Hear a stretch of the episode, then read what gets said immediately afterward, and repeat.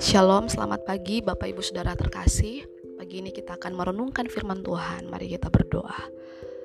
Bapak terima kasih buat kebaikanmu sepanjang malam kami boleh beristirahat dengan uh, baik dan pagi ini kami boleh bangun dengan tubuh yang diberkati dan sebelum kami melakukan aktivitas kami kami mau merenungkan firman Tuhan berbicaralah bagi kami semua dalam nama Yesus kami berdoa amin Nah, Bapak Ibu, renungan kita pada pagi hari ini telah sampai di dalam Esra pasalnya yang ke-8. Kalau kita membaca kitab Esra pasal yang ke-8, kita akan menemukan bahwa terjemahan LAI membagi pasal tersebut dalam dua perikop, yaitu yang pertama adalah persiapan perjalanan orang Israel dan kemudian yang kedua adalah mereka tiba ke Yerusalem. Nah, jika jikalau kita melihat kembali pada pasal yang sebelumnya, maka kita akan mengetahui bahwa Raja Artahastalah yang mengizinkan Esra untuk pulang ke Yerusalem uh, dengan tujuan untuk mengatur kebaktian di rumah Tuhan. Nah, dengan demikian Bapak Ibu, pasal 8 ini merupakan persiapan mereka untuk berangkat hingga sampai ke Yerusalem. Nah, pasal 8 ini diawali dengan catatan bahwa ternyata bukan hanya Esra yang diizinkan pulang, melainkan ada rombongan yang ikut serta bersama dengan Esra. Nah, di sana tercatat bahwa ada beberapa kepala kaum yang terpilih. Bapak Ibu bisa baca di dalam ayat yang ke-1 sampai dengan ayatnya yang ke-14. Nah, kemudian setelah penentuan orang yang ikut serta, mereka kemudian mulai berangkat dan berkemah uh, di dekat sungai yang mengalir ke Ahwa dalam ayat 15 sampai 30. Dan yang terakhir adalah mereka tiba di Yerusalem.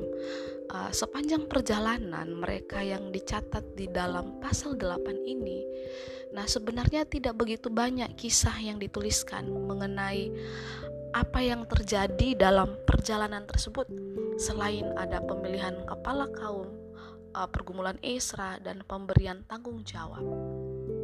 Nah, namun meskipun demikian, Bapak Ibu ada dua kisah yang cukup menarik dan hal inilah yang menjadi perenungan kita pagi ini, yaitu pertama mengenai pergumulan Esra mengenai keamanan selama perjalanan pulang dan yang kedua adalah kaum Lewi yang tidak ikut serta. Dalam uh, pasal 8 ini ada hal yang kita bisa pelajari mengenai kisah perjalanan Esra menuju Yerusalem. Yang pertama, bahwa yakin Tuhan selalu ada untuk menyertai. Di dalam ayat yang ke-21 sampai 23 Bapak Ibu, di situ mengatakan, kemudian di sana di tepi sungai Ahwa, Ahwa, itu aku memaklumkan puasa supaya kami merendahkan diri di hadapan Allah dan memohon kepadanya jalan yang aman bagi kami, bagi anak-anak kami dan segala harta benda kami. Karena aku malu meminta tentara dan orang-orang berkuda kepada raja untuk mengawal kami terhadap musuh di jalan. Sebab kami telah berkata kepada raja demikian, tangan Allah kami melindungi semua orang yang mencari dia demi keselamatan mereka, tetapi kuasa murkanya menimpa semua orang yang meninggalkan dia. Jadi berpuasalah kami dan memohonkanlah hal itu kepada Allah dan Allah mengabulkan permohonan kami.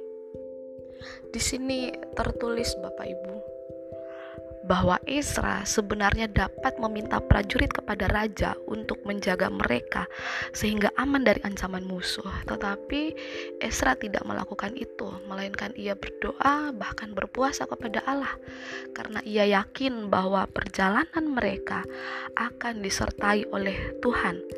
Tidak hanya itu, Bahkan Esra telah meyakinkan raja bahwa justru orang yang mengandalkan kekuatan manusialah yang tidak dapat mendapat perlindungan dari Allah. Oleh sebab itu dia tidak meminta agar prajurit ikut serta mereka Nah, perkataan Isra dalam ayat 22 ini merupakan sebuah keyakinan bahwa Allah itu hidup dan dapat bertindak untuk memberikan perlindungan bagi mereka dan hal itu terbukti sehingga ayat 31 sampai 36 Bapak Ibu di sana tercatat bahwa mereka tiba dengan selamat. Nah, pernyataan Isra ini Bapak Ibu dapat menjadi pelajaran bagi kita bahwa Allah akan selalu ada untuk menyertai kita. Mungkin ada banyak situasi yang membuat kita takut. Namun percayalah seperti Esra bahwa selama kita mengakui bahwa Allah mampu bertindak, maka kita dapat melihat bahwa tangan Tuhan tidak akan pernah berhenti bekerja. Saat kita merasa bahwa masalah atau pergumulan kita terlalu besar dari iman kita, mari berdoa dan berpuasa kepada Tuhan. Seperti Esra yang berpuasa dan berdoa, maka mujizat terjadi. Puasa bukan hanya untuk pendeta saja ya Bapak Ibu, tetapi setiap kita orang Kristen dapat berpuasa. Puasa bukan hanya sekedar tidak makan dan minum, tetapi ada maksud rohani di dalamnya. Nah, penting sekali bagi jemaat Tuhan untuk kita melatih diri dalam berpuasa, karena puasa juga melatih kita untuk lebih peka terhadap tuntunan Tuhan, seperti kisah jemaat Antioquia dalam kitab Kisah Rasul 13 ayat 1 sampai 3 saat mereka akan mengutus Paulus dan Barnabas sebagai seorang utusan Injil. Nah, Bapak Ibu Saudara sekalian, ada seorang pengajar Alkitab bernama Arthur Wallis. Dia mendefinisikan puasa itu sebagai berikut. Dia mengatakan bahwa berpuasa itu menandakan adanya kesungguhan pada orang yang menaikkan permohonan doanya dan memperkuat seruannya di hadapan tahta Allah.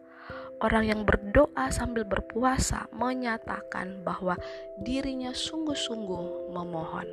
Nah, jadi Bapak Ibu Saudara, puasa harus dilakukan dengan benar dan sungguh-sungguh seperti yang dilakukan Esra.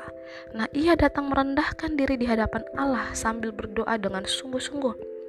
Mereka merendahkan diri di sini artinya bahwa kita menyadari akan kebesaran dan kasih Allah dan keberadaan kita sendiri sebagai manusia yang lemah, yang tak berdaya, yang tidak bisa berbuat apa-apa tanpa campur tangan Tuhan.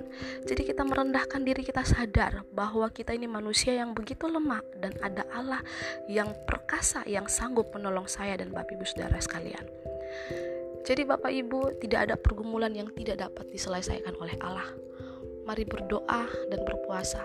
Yakin, yakini bahwa penyertaan dan mujizatnya masih ada sampai saat ini dalam doa dan puasa.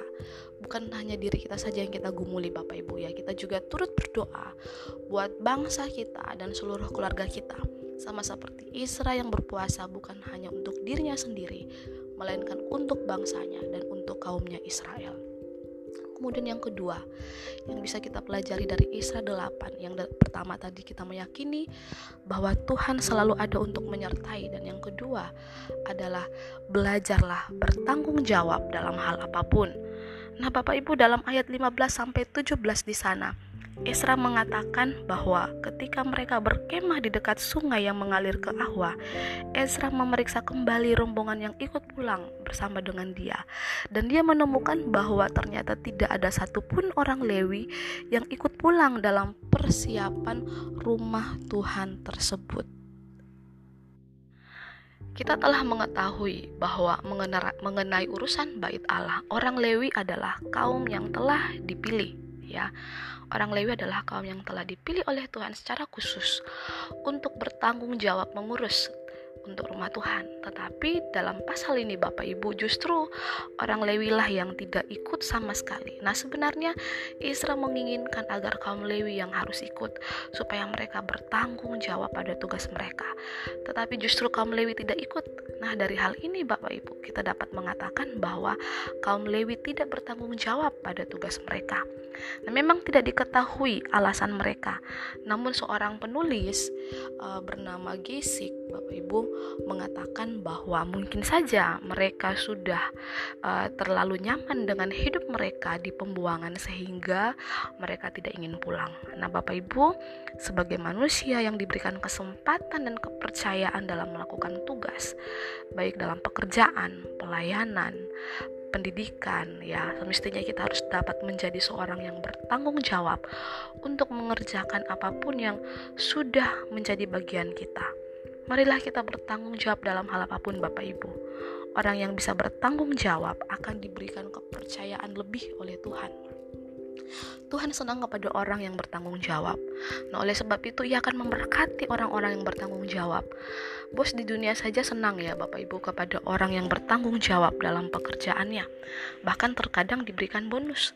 Nah, apalagi Bapak kita yang di sorga, Allah yang penuh kasih, yang selalu memberkati kita bertanggung jawablah dalam pekerjaan kita saat ini, dalam sekolah kita, dalam rumah tangga, dalam pelayanan, maka kita akan melihat ada berkat Allah yang mengikuti kita. Kolose 3 ayat 23 mengatakan, apa pun yang kamu perbuat, perbuatlah dengan segenap hatimu seperti untuk Tuhan dan bukan untuk manusia. Nah, jadi Bapak Ibu dari pasal 8 ini kita bisa belajar apa pun keadaan kita, mari kita yakini bahwa Tuhan tidak pernah lepas tangan kepada orang yang mengandalkan Dia.